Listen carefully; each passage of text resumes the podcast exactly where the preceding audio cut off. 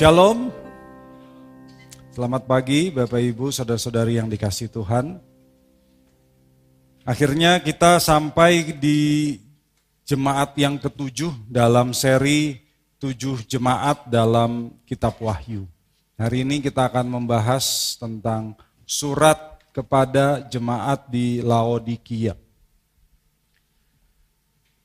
Bapak Ibu, kota Laodikia ini didirikan pada abad ketiga sebelum Masehi oleh raja dinasti Seleukid yaitu Antiochus II Theos untuk menghormati istrinya. Istrinya namanya Laodiki.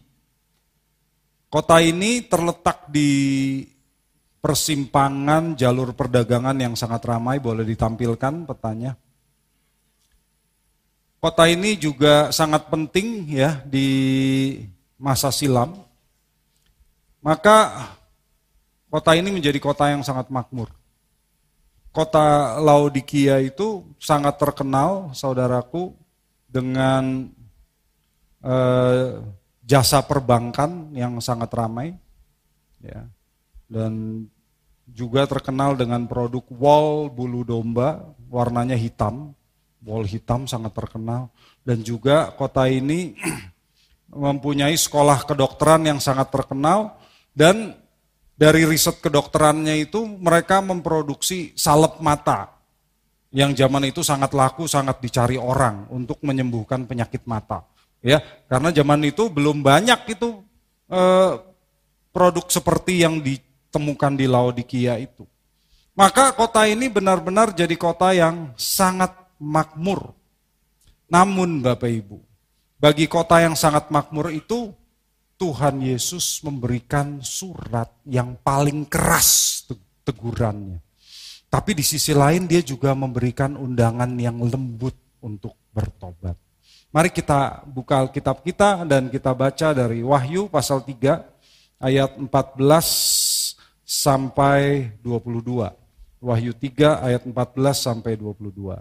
Mari kita lihat bersama, saya bacakan dari terjemahan baru edisi kedua. Tuliskanlah kepada malaikat jemaat di Laodikia.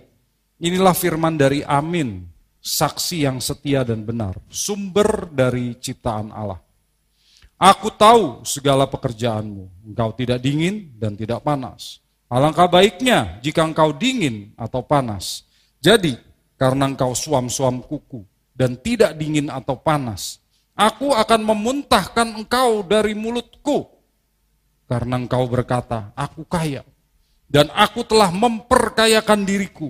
Dan aku tidak kekurangan apa-apa. Dan karena engkau tidak tahu bahwa engkau melarat, malang, miskin, buta, dan telanjang. Aku menasihatkan kamu supaya engkau membeli dari aku emas yang telah dimurnikan dalam api. Agar engkau menjadi kaya. Dan juga pakaian putih supaya engkau memakainya agar jangan kelihatan ketelanjanganmu yang memalukan, juga minyak untuk melumas matamu supaya engkau dapat melihat. Siapa yang kukasihi, ia kutegur dan kuhajar, sebab itu bersungguh-sungguhlah dan bertobatlah. Lihat, aku berdiri di depan pintu dan mengetuk. Jikalau ada orang yang mendengar suaraku dan membukakan pintu, aku akan masuk menemui dia dan makan bersama dia dan ia bersama aku. Siapa yang menang, ia akan kududukan bersama aku di atas tahtaku. Sebagaimana aku pun telah menang dan duduk bersama Bapakku di atas tahtanya. Siapa bertelinga, hendaklah ia mendengarkan apa yang dikatakan roh kepada jemaat-jemaat. Bapak Ibu, saudara-saudariku yang terkasih dalam Tuhan Yesus. Seperti biasa, seperti surat-surat yang telah kita baca sebelumnya, Tuhan Yesus selalu mengawali suratnya dengan gambaran tentang dirinya untuk menegaskan otoritasnya kepada jemaat-jemaat. Yang pertama, Kristus memperkenalkan diri sebagai Amin. Kristus memperkenalkan diri sebagai Amin tadi di ayat ke-14. Apa arti kata amin Bapak Ibu? Kata amin itu berarti benar, pasti, terjadilah Itu artinya kata amin. Orang-orang Yahudi selalu menggunakan kata ini untuk mengakhiri doa. Demikian juga dengan orang-orang Kristen yang mengikuti Yahudi. Dan juga orang-orang Yahudi mengatakan amin untuk menegaskan bahwa sesuatu itu benar, penting, dan pasti. Kalau kita mengakhiri doa dengan kata amin, artinya apa? Kita menyatakan dengan sungguh-sungguh, terjadilah demikian. Ya, jadi kita mengatakan kepada Tuhan, aku percaya, terjadilah demikian. Itulah artinya kata amin. Tapi kalau Kristus mengatakan dirinya sebagai amin, itu menyangkut dengan apa yang telah tertulis di Alkitab juga, di perjanjian lama. Amin digunakan sebagai nama Allah, yaitu di Yesaya 65 ayat 16. Yesaya 65 ayat 16. Orang yang hendak mendapat berkat di negeri akan memohon berkat demi Allah yang benar, perhatikan ya. Dan orang yang hendak bersumpah di negeri akan bersumpah demi Allah yang benar. Sebab kesesakan-kesesakan yang dahulu sudah terlupa dan sudah tersembunyi dari mataku. Bapak Ibu, kalau kita lihat bahasa aslinya, nama Allah yang benar, tadi kan ada ya, nama Allah yang benar sebetulnya apa? Allah yang amin kalau dalam bahasa Ibraninya begitu. Jadi orang memohon berkat demi Allah yang amin. Jadi kalau Tuhan Yesus mengatakan dirinya akulah amin, maksudnya akulah Allah yang amin atau dalam Alkitab kita Allah yang benar. Benar artinya apa? Dapat diandalkan, Saudara. Benar artinya apa? Kata-katanya benar, tidak bohong, janjinya pasti akan terjadi. Itulah nama amin. Jadi kalau Bapak Ibu ada yang namanya amin, ingat artinya dapat diandalkan. Kata-katanya benar, tidak pernah berbohong, janjinya pasti terlaksana. Nah, itu namanya amin, ya.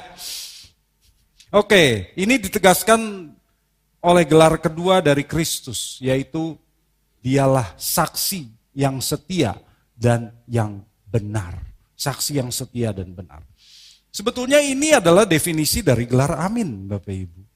Tapi Kristus menggunakan ini sebagai penegasan akan apa yang akan dinyatakannya kepada jemaat di Laodikia. Karena Kristus sesudah ini akan membongkar borok mereka dengan terang-terangan. Betapa mereka itu sangat rusak dan bobrok. Kristus mengatakan, apa yang akan aku katakan ini benar karena aku saksi yang setia dan benar. Apa yang aku katakan itu benar. Mungkin kamu tidak sadar tapi itu benar. Ya, itulah sebabnya dia mengatakan dirinya saksi yang setia dan benar. Dan yang ketiga, gelar Kristus di sini adalah dia menyatakan dirinya sebagai sumber dari ciptaan Allah. Sumber dari ciptaan Allah. Bapak Ibu, Tuhan Yesus mengatakan, akulah sumber dari segala ciptaan ini. Dengan kata lain dia berkata, akulah sang pencipta sendiri. Coba kita lihat, Kolose 1 ayat 15 dan 16. Kolose 1 ayat 15 dan 16. Dialah, Yesuslah, gambar Allah yang tidak kelihatan, yang sulung, lebih utama daripada segala yang diciptakan. Karena di dalam dialah, di dalam Yesus, telah diciptakan segala sesuatu yang ada di surga dan yang ada di bumi, yang kelihatan dan yang tak kelihatan, baik singgasana maupun kerajaan, baik pemerintah maupun penguasa, segala sesuatu diciptakan oleh Dia, Yesus, dan untuk Dia, Yesus. Alkitab menyatakan dengan tegas bahwa Yesus Kristuslah pencipta. Dialah yang menciptakan segala sesuatu. Dan segala sesuatu diciptakan oleh dia dan untuk dia. Jadi dialah yang memiliki segala sesuatu Bapak Ibu. Karena itu Tuhan Yesus bukan ciptaan, dialah sang pencipta. Jangan kita berpikir bahwa Yesus itu baru ada waktu peristiwa Natal di Bethlehem. Loh, kalau dia baru ada di Natal, bagaimana dia bisa mencipta Bapak Ibu? Bagaimana caranya? Dia sudah ada sebelum alam semesta ini ada. Dia sudah ada sebelum ruang dan waktu ini ada Bapak Ibu. Jadi kita harus percaya apa yang dikatakan Alkitab.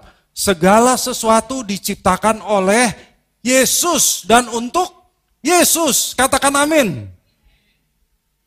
Maka Bapak Ibu, kepada jemaat di Laodikia, Tuhan Yesus mengatakan, dengar, dengar baik-baik apa yang akan kukatakan.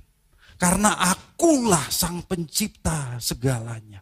Dan sebagai Allah yang mencipta, aku harus berkata dengan terus terang apa yang dikatakannya kepada jemaat di Laodikia ini semuanya kritik, nggak ada pujian dari kita baca. Semuanya kritik pedas.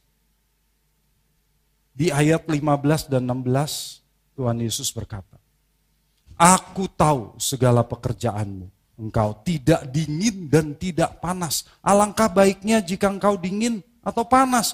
Jadi karena engkau suam-suam kuku, aku memuntahkan engkau dari mulutku. Itu kata Tuhan pedas. Banyak pendeta menafsirkan ini begini. Ya perhatikan saya ya, banyak pendeta mengatakan begini. Tuhan Yesus itu tidak menyukai yang netral-netral saja. Yang tidak berpihak. Jadi harus berpihak. Aku ingin kamu panas. Biarlah rohmu menyala-nyala dan layanilah aku. Itu artinya panas. Kalau kamu nggak mau melayani aku ya udah dingin aja sekalian. Lebih baik kamu nggak kenal aku, kamu dingin. Lebih baik begitu daripada kamu nggak panas, nggak dingin. Suam-suam kuku. Bapak Ibu, tafsiran seperti itu benar. Benar-benar salah. Ya, Kristus tidak berkata demikian Bapak Ibu. Apa yang disampaikannya itu nggak mungkin ditafsirkan begitu oleh orang-orang di Laodikia. Jadi yang benar gimana Pak? Saya kasih tahu ya. Hmm. Mau dikasih tahu nggak? Mau tahu aja atau mau tahu banget? Bapak Ibu, kota Laodikia itu sekalipun dia kota yang kaya, tapi di mana pun selalu ada masalah kota yang kaya itu punya masalah besar, yaitu sumber air. Kota Laodikia itu tidak punya sumber air yang baik. Ya, sumber air bersih. Ini berbeda dengan kota-kota tetangganya. Kalau bisa ditampilkan ya petanya kota-kota tetangganya ya, yaitu di dekat eh, sana ada kota Hierapolis, ya yaitu kota yang terletak 10 km di utara Laodikia. Hierapolis itu punya mata air panas yang menyehatkan.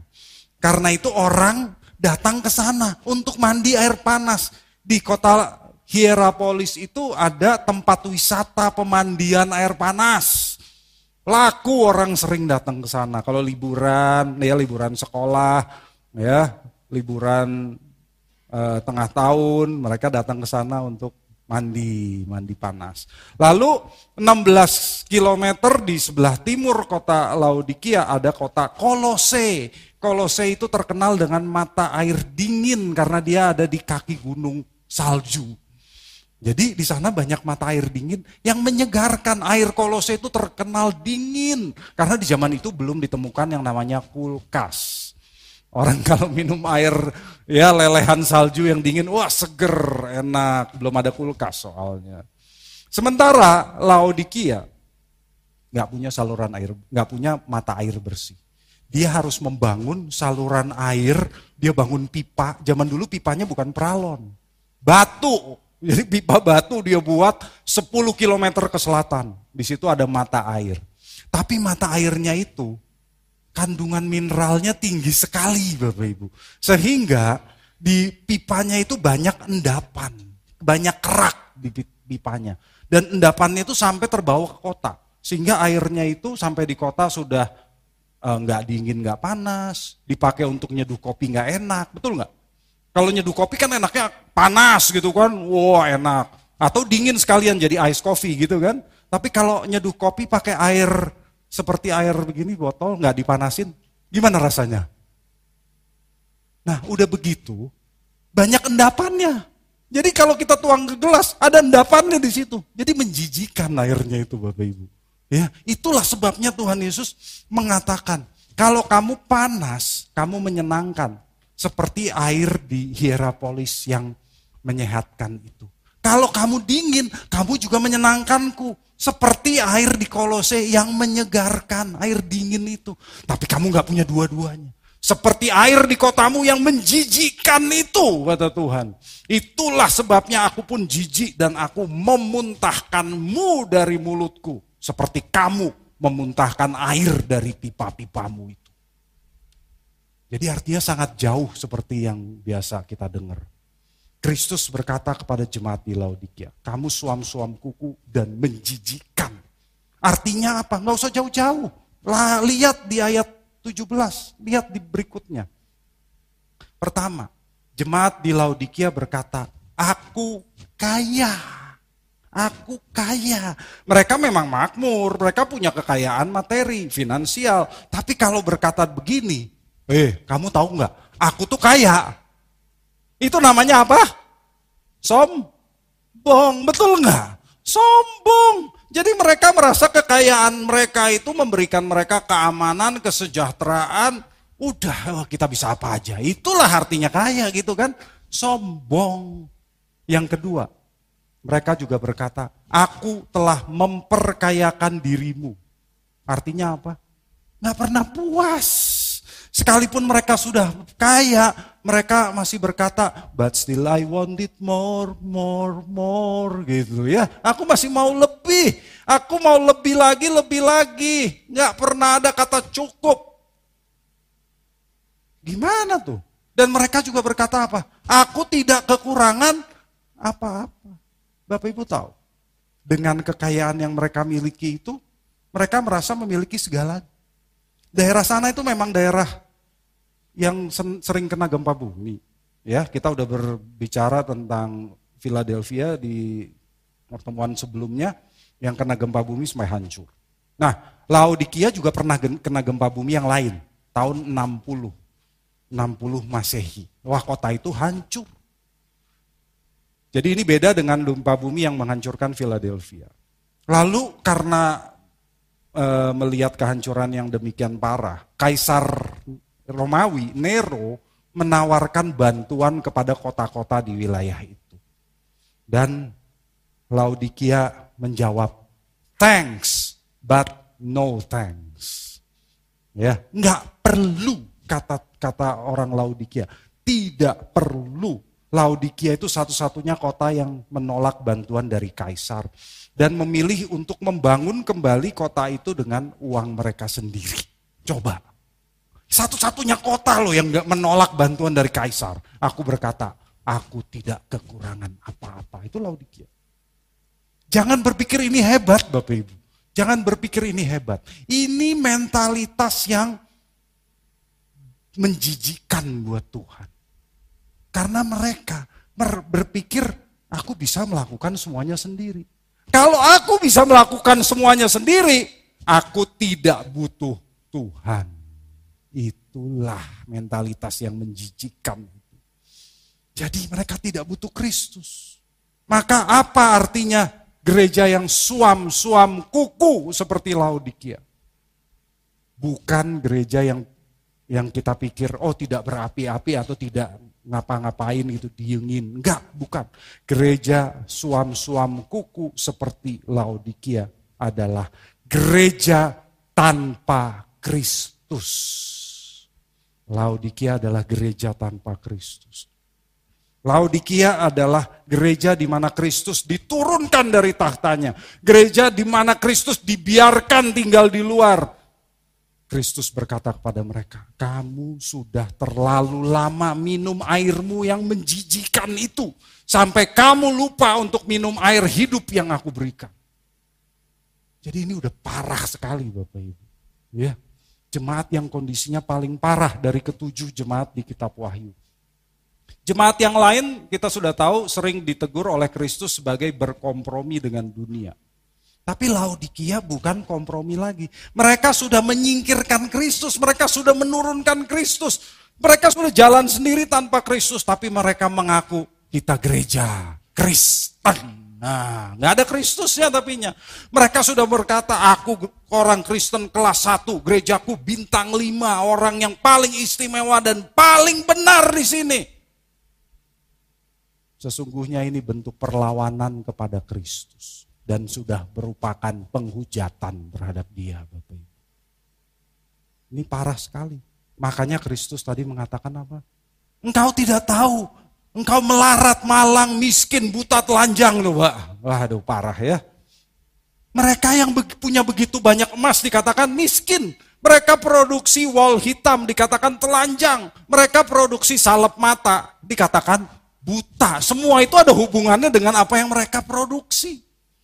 Mengapa? Mereka menyingkirkan Kristus. Padahal Kristus pernah bersabda kepada para murid-muridnya di Yohanes 15 ayat 5. Di luar kamu, kamu gak bisa berbuat apa-apa, kata Kristus. Tapi itulah yang dilakukan oleh Laodikia. Ini mengingatkan kita Bapak Ibu agar kita merenung. Apakah mentalitas Laodikia juga kita miliki? Apakah kita puas dengan gedung gereja yang baik? fasilitas gereja yang baik, lengkap. Apakah kita puas dengan keuangan gereja yang baik? Sehingga kita bisa membantu banyak gereja kecil, orang-orang miskin, hamba-hamba Tuhan di daerah. Kita bisa membantu banyak sekolah sehingga banyak siswa bisa belajar gratis, makan gratis, tidur gratis. Apakah kita puas dengan jumlah jumlah jemaat yang banyak, jumlah yang nonton live streaming banyak, mungkin ribuan orang. Apakah kita puas dengan pengajaran firman yang menurut kita baik, menurut kita mengubah banyak orang jadi lebih baik, tapi di balik itu menurunkan Kristus dari tahtanya. Karena kita tidak memberitakan Kristus sebagaimana mestinya. Tadi Kristus sudah memperkenalkan dirinya sebagai Allah yang amin, Allah yang benar, saksi yang setia dan benar, dan sang pencipta. Apakah kita membiarkan Kristus di luar gereja. Karena dia hanya kita jadikan guru agung, role model yang patut dijadikan teladan untuk melakukan Taurat, tapi bukan Allah sendiri yang layak disembah. Apakah kita puas kita sudah mengusir setan-setan, tapi kita juga sudah mengusir Kristus. Itulah Laodikia, Bapak Ibu. Sebagai pribadi juga, Apakah kita puas dengan kekayaan kita yang berlimpah-limpah, jabatan, kehormatan, posisi, pendidikan yang tinggi, pengetahuan yang luas, sehingga kita bisa melakukan segala sesuatu dengan kekuatan kita sendiri. Dan kita berpikir, aku bisa menyenangkan Bapa dengan perjuanganku sendiri tanpa perlu melibatkan Kristus. Itu berarti kita sudah hidup tanpa Kristus, Bapak Ibu. Kalau demikian yang terjadi, kitalah jemaat di Laodikia itu. Kitalah jemaat di Laodikia itu. Kita merasa kaya, kita merasa makin bertumbuh, tapi kita tidak memiliki Kristus. Kita membiarkan Kristus berdiri di luar sendirian sambil mengetuk pintu minta masuk. Karena dia sedih, dia rindu untuk masuk dan bersekutu kembali bersama dengan kita. Itulah sebabnya Kristus berkata, kamu melarat, malang, miskin, buta, telanjang. Tanpa aku tuh kamu nggak bisa apa-apa. Tanpa aku kamu nggak punya apa-apa, kata Kristus. Tapi kami kan punya Allah Bapa. Nggak apa-apa nggak ada Kristus. Apakah saudara tahu apa yang dikatakan oleh Tuhan Yesus? Yohanes 14 ayat 6. Yohanes 14 ayat 6. Kata Yesus kepadanya, akulah jalan kebenaran dan hidup. Tidak seorang pun datang kepada Bapa kalau tidak melalui aku. Bapak Ibu, kalau tidak melalui Tuhan Yesus, saudara tidak bisa datang kepada Bapa. Alkitab mengatakan dialah pengantara kita. Tanpa Tuhan Yesus, jangankan sampai ke rumah Bapa yang kekal nanti. Di dunia saja Allah Bapa tidak berkenan menemui saudara kalau saudara tidak punya Yesus, tidak punya perantara. Kita nggak bisa datang sendiri tanpa pengantara Bapak Ibu, yaitu Yesus.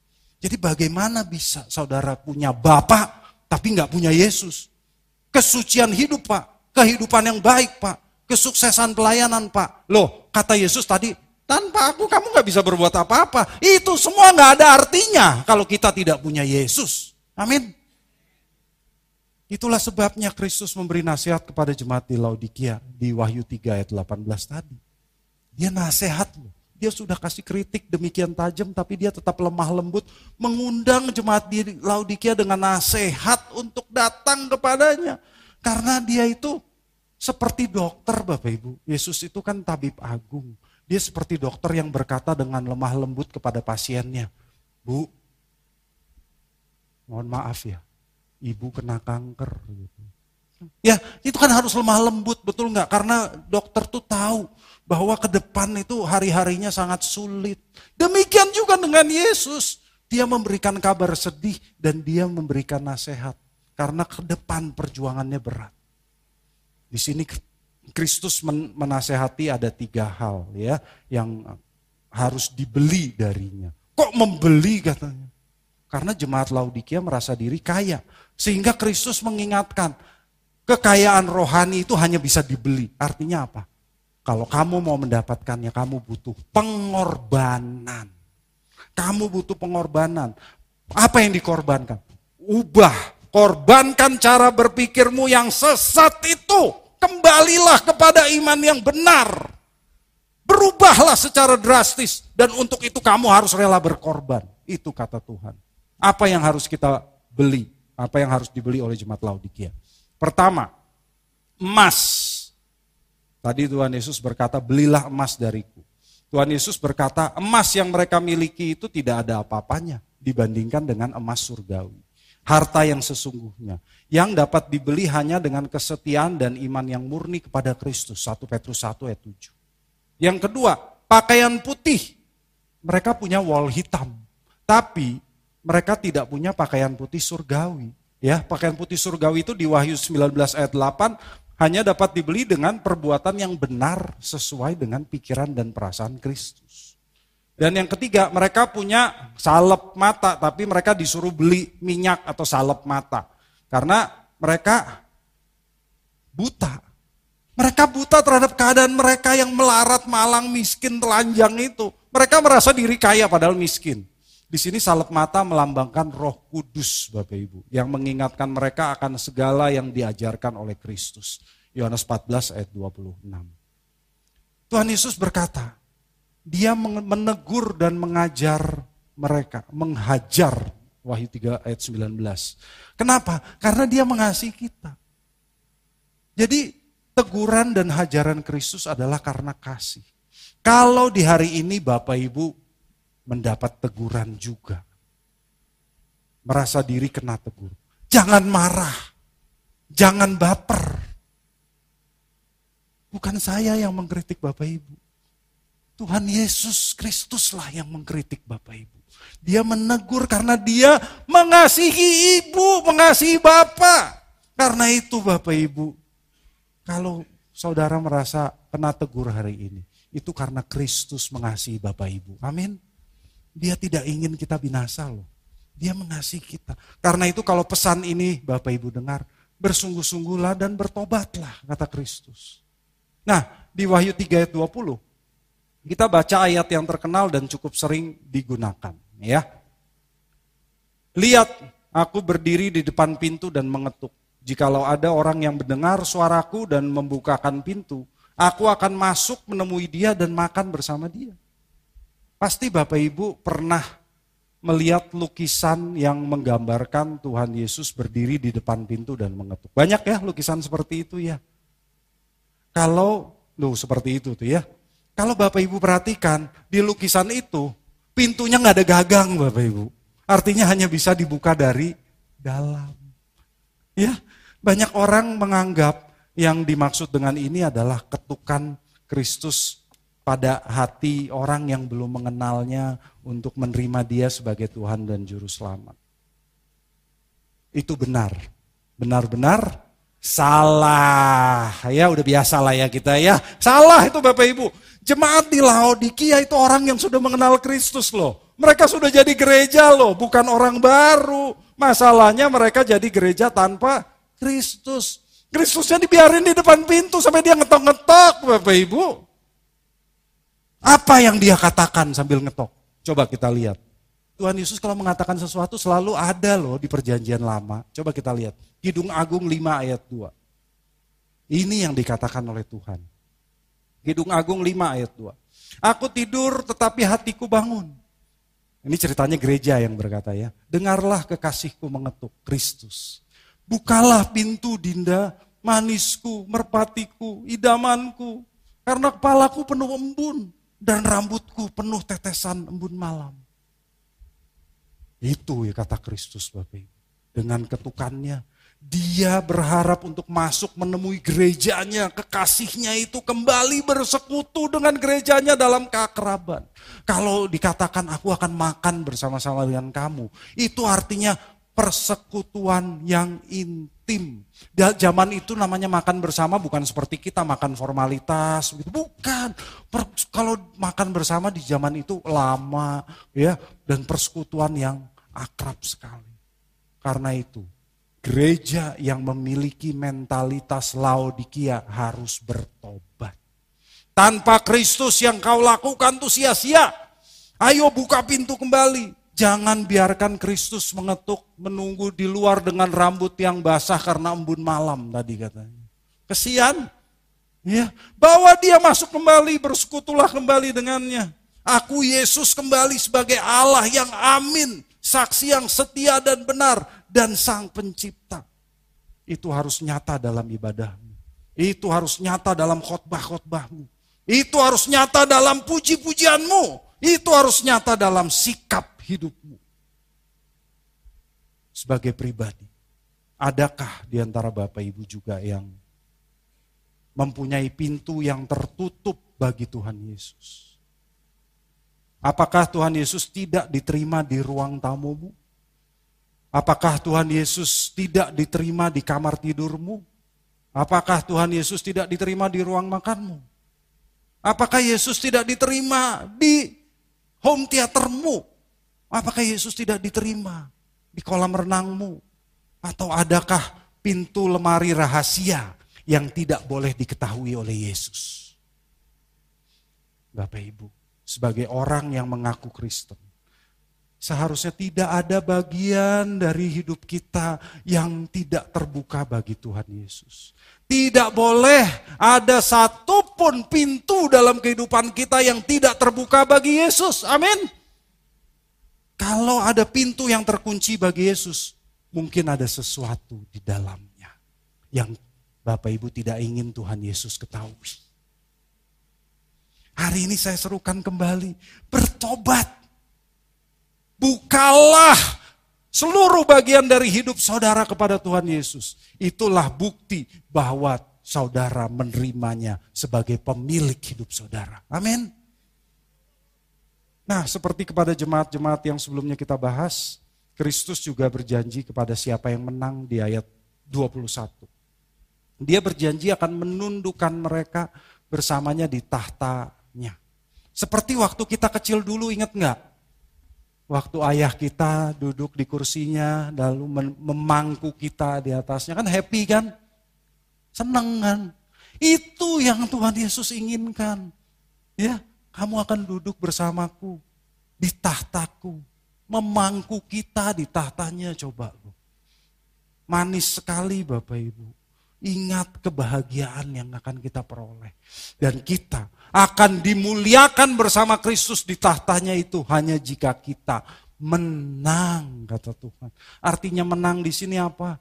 Memiliki Kristus yang menguasai seluruh aspek kehidupan kita.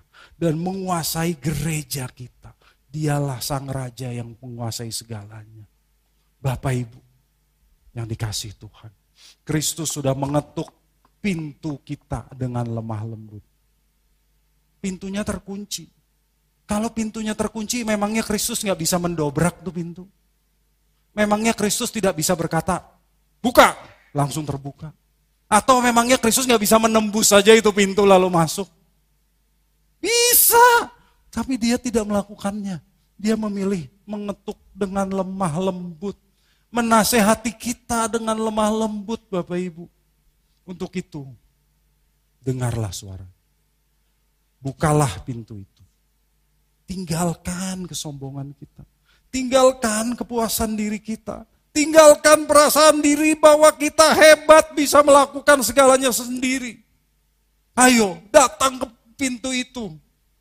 Buka pintu itu, sambut kekasih kita Tuhan Yesus Kristus. Peluk dia, dialah segalanya bagi kita. Bersamanya kita hanya bisa berkata, Tuhan Yesus, engkau cukup bagi. Amin. Bagi Bapak, Ibu, Saudara-saudari yang terpanggil untuk mendukung pelayanan GSKI Pluit dapat memberikan persembahan ke rekening BCA KCU Pluit dengan nomor 168 333 88. Sekali lagi, 168 65 333 88 atas nama GSKI Fluid. Terima kasih atas dukungan persembahan saudara. Tuhan Yesus memberkati.